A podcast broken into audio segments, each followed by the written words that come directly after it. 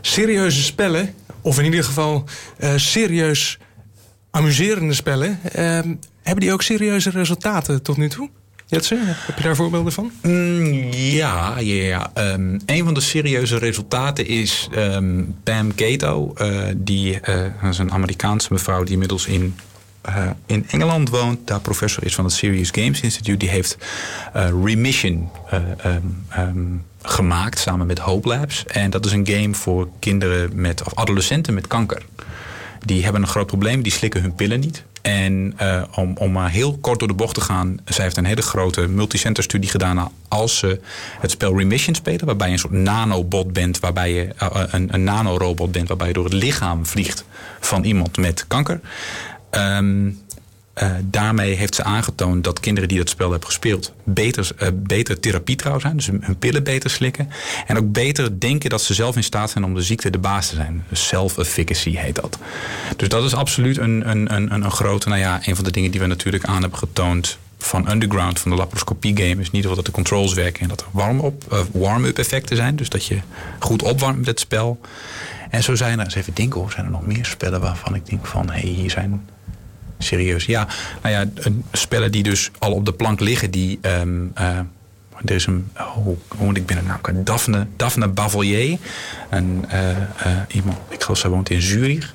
En ze heeft onderzoek gedaan naar het effect van heftige shooterspelers, die echt hele drukke shooters spelen, op hand-oogcoördinatie, maar ook op de mate waarin ze in staat zijn, of nou ja, hun, hun, waarin hun uh, visuele vermogens uh, verbeteren. En heeft ze echt aangetoond dat je dus echt gewoon door het spelen van, het is een niet-serious game, maar gewoon een shooter, dat je daar vaardigheden opdoet die, nou ja, die bijvoorbeeld uh, uh, ook als chirurg enorm van dienst kunnen zijn. Dus je kunt kleinere objecten um, ergens uithalen. Dus als je een heel klein detail kun je ergens uithalen, maar je kunt ook um, in je hoofd meerdere objecten tegelijkertijd volgen. Dus uh, een soort mentaal beeld van alles wat er om je heen gebeurt. En dat zie je ook in drukke shooters. Je moet weten in 3D wat er allemaal om je heen gebeurt. Uh, dus Oké, okay, ja, dus ook als de oorlog niet uitbreekt in Nederland... Uh, kan Liekle van enorm landsbelang worden ja, door maar, die Ja, maar Liekle is sowieso van groot landsbelang. En, en door die shooters nog meer. Ja, ik mocht niet in dienst omdat mijn ogen te slecht waren. Maar ik zou in deze tijd inderdaad door games te spelen uh, toch allerlei vaardigheden kunnen trainen. En dan bijvoorbeeld dronepiloot kunnen zijn. Uh, of anderszins uh, van waarde kunnen zijn voor de verdediging van ons land, misschien. maar wat ik in, in de successen die je noemt opvallend vind, is je begon met een paar die ook specifiek bedoeld waren om ja. een effect te sorteren. Terwijl we voor ondertussen ook heel veel verhalen horen. Nou, je noemde net World of Warcraft al. Spellen die niet per se bedoeld waren om die vaardigheid expliciet te trainen. Maar wel dat soort effecten opleveren. En die shooters ook, die oog-handcoördinatie die dan toeneemt. Dat driedimensionale model wat, wat fighter pilots in hun hoofd moeten hebben om, om, om niet neer te storten terwijl ze proberen de vijand neer te schieten. Dat zijn dingen die zijn een beetje onbedoeld ontstaan, lijkt het wel. Ja, goede of vraag. Ja, nou ja, die makers dat, toch dat, wel gedacht hebben van... Nee, uh... nee, ik denk niet dat ze bedacht hebben, dit, dit willen we doen. Die hebben gedacht, we willen een spel maken dat entertaining is. Dat leuk is om te spelen. En dit zijn bijeffecten. En uh, ik moet ook zeggen... Maar dit zijn allemaal positieve externaliteiten. Maar kom je ook uh, serieuze spellen tegen die negatieve bijeffecten hebben? Goeie vraag. Even denken hoor. Negatief. Dat chirurgen iets leren wat ze eigenlijk beter niet hadden kunnen leren? Of dat ze juist iets afleren? Ja, ik zit te denken. Um... Nou, ik ben me ooit wel eens echt, echt gewoon wild geschrokken. Ik zal uh, die beschrijving maar hanteren, want anders wordt het te lelijk voor op de radio. Van uh, Quake was het geloof ik bij een huisgenootje toen nog...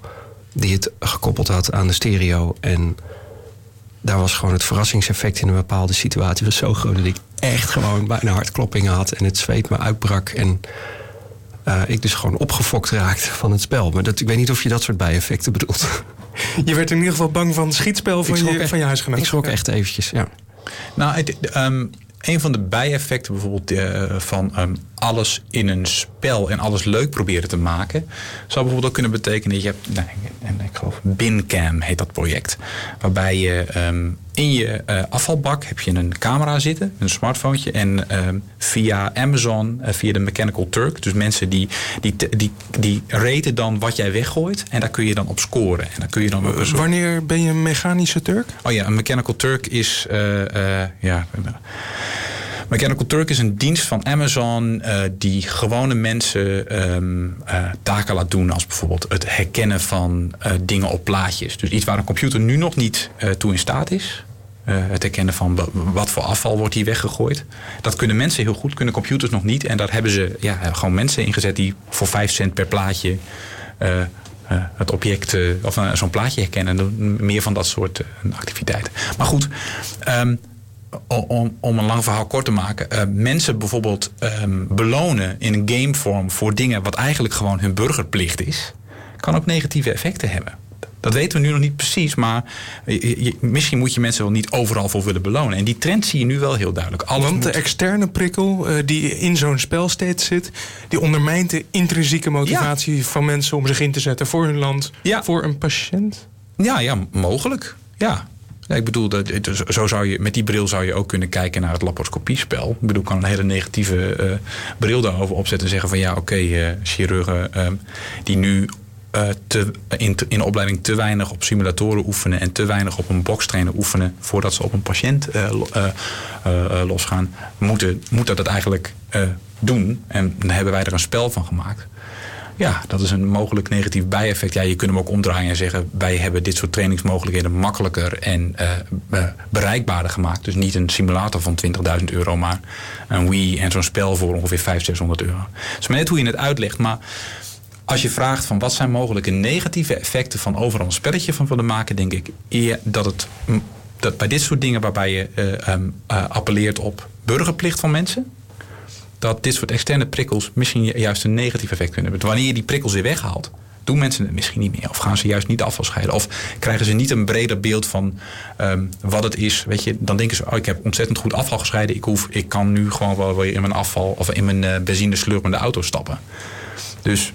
Ik, ik ken mensen die uh, heel goed kunnen beargumenteren dat ze bijvoorbeeld in een Porsche mogen rijden omdat ze vegetariër zijn. Ja. Dan, dan is het een beetje appels en peren, maar dan... Zodat ja, de netto impact net zoiets is als... Of zo. Dus, en dat is wat jij zegt. Van een vleesetende Fiat Panda-rijder. Je hebt ergens dan uh, voldoende karma-punten gescoord uh, op een goed onderwerp... zodat je ergens anders slecht slechter gedrag mag vertonen. nou ja, dat zou kunnen. Of je krijgt een, een, een, een veel te eenzijdig beeld van een veel groter probleem. Dus je versimpelt jouw, um, uh, jouw burger, of nee, even denken hoor. Je versimpelt beter omgaan met het milieu uh, als ik, ik, mag, nou ja, ik moet zo weinig mogelijk weggooien. Terwijl het probleem veel groter is. En door mensen te belonen op dit soort dingen. Uh, zwengel je de discussie niet over het grotere geheel aan. En ik denk dat dat een, ook een negatief effect kan zijn van dit, soort, uh, van dit soort spellen. Of in ieder geval alles leuk proberen te maken. Wat maakt een uh, serious game dan wel goed? Oh god. Oh, dat hangt er heel erg vanaf wat het, wat het doel is. Ik denk wat een serious game wel goed maakt, is dat het. Um, net als een goede les bijvoorbeeld, gewoon een, een, iemand die les staat te geven, je motiveert om door te gaan met hetgeen wat je doet. En je ondertussen de dingen leert die je moet leren. Maar dat, er, er zit ook een soort uh, tegenstelling in het woord serious game. Want een spel is iets wat je vrijwillig doet. Iets wat je helemaal, nou ja, het doet omdat je een spel wil spelen. Er zijn een aantal eh, regels aan verbonden. En serieus, dat je het moet doen om te leren. Ja, dat, dat, dat spreekt elkaar eigenlijk tegen. Nou ja, dat, dat hangt er vanaf. Want uh, jonge kinderen uh, hebben, zijn zich hier allemaal niet van bewust. Spelen en ontwikkelen bijvoorbeeld op die manier allerlei motoriek. Nee, ik, ik ben het, daar ben ik het mee eens. Maar het feit dat je het voor een serieus doel inzet. Dus bijvoorbeeld het in, uh, op, op school of in een chirurgisch curriculum plaatst. Kun je je afvragen of het feit dat het een spel is. Um, het, het, het, uh, een van de dingen die bij spel hoort is dat het vrijwillig is. Maar als je het spel moet spelen om dit te halen, is de vraag hoe krachtig het spel nog is. Zou het eigenlijk seriously entertaining practice Ja, dus weet je. Ik, zo, ik, in dit komende uur haal ik mijn volledige. Uh, de, de game waar ik, uh, uh, die ik, nou ja, waar ik onderdeel van het team ben die dit heeft gemaakt. Dan zeg ik straks, nee, die, die underground games, dat moet je gewoon niet doen. Dat is vreselijk. Oké, bedankt voor je openhartigheid. um, dan, dan uh, je hebt ook uh, grotere maatschappelijke trends waar je op in kan haken vanuit die serious games. Hè? Bijvoorbeeld uh, crowdsourcing. Hmm. Uh, gebruik je graag?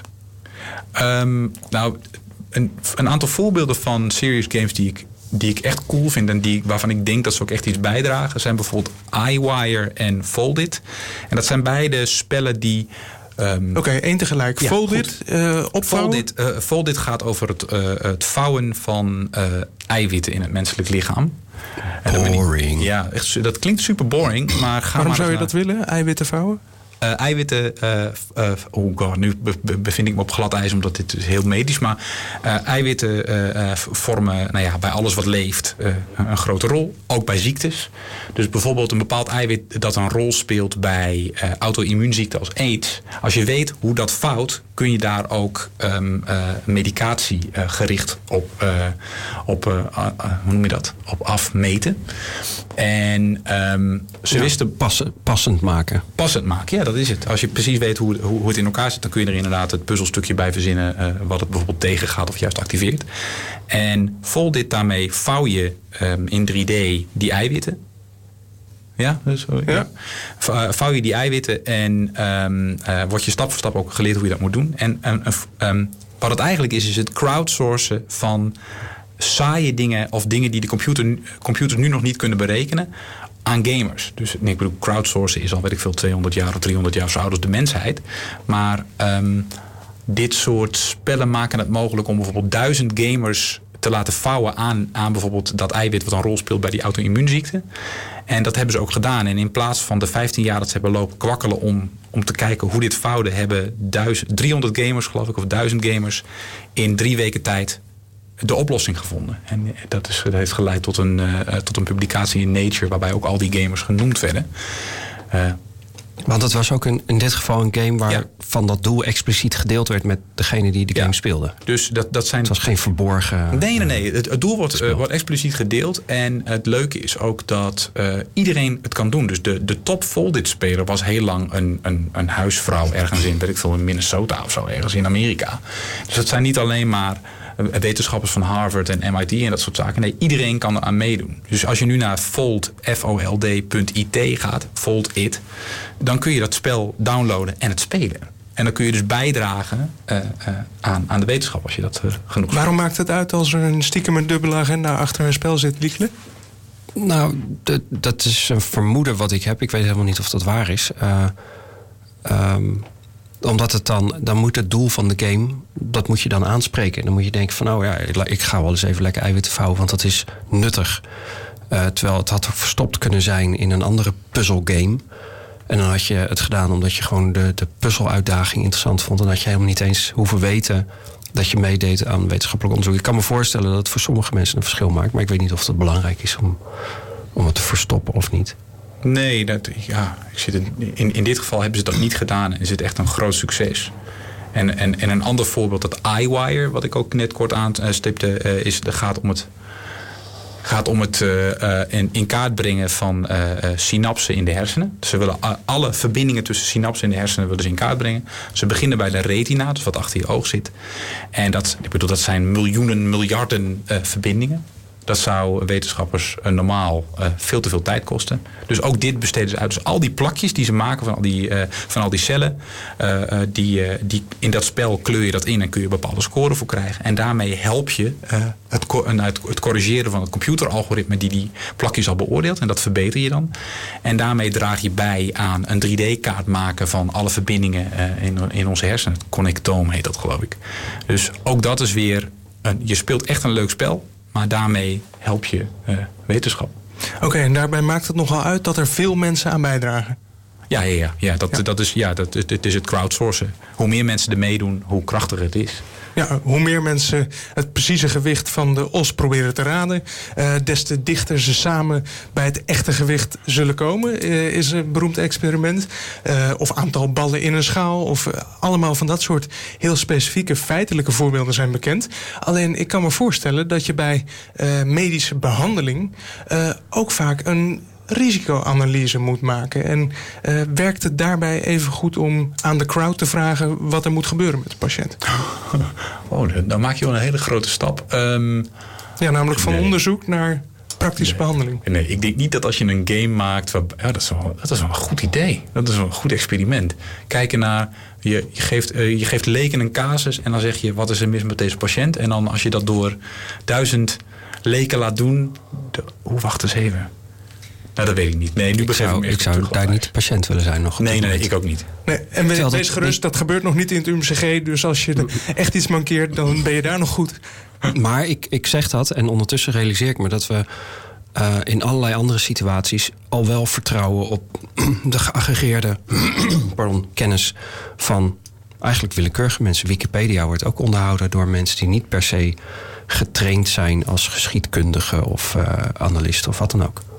Dat maar die toch qua kwaliteit uh, niet onderdoen voor de Encyclopedia Britannica. Nou, ja, maar dat is, dit is weer wat anders dan het verder van een oordeel, een expertoordeel bijvoorbeeld over iemands gezondheid of ziekte. Of, ik denk dat dat twee wezenlijk verschillende dingen zijn.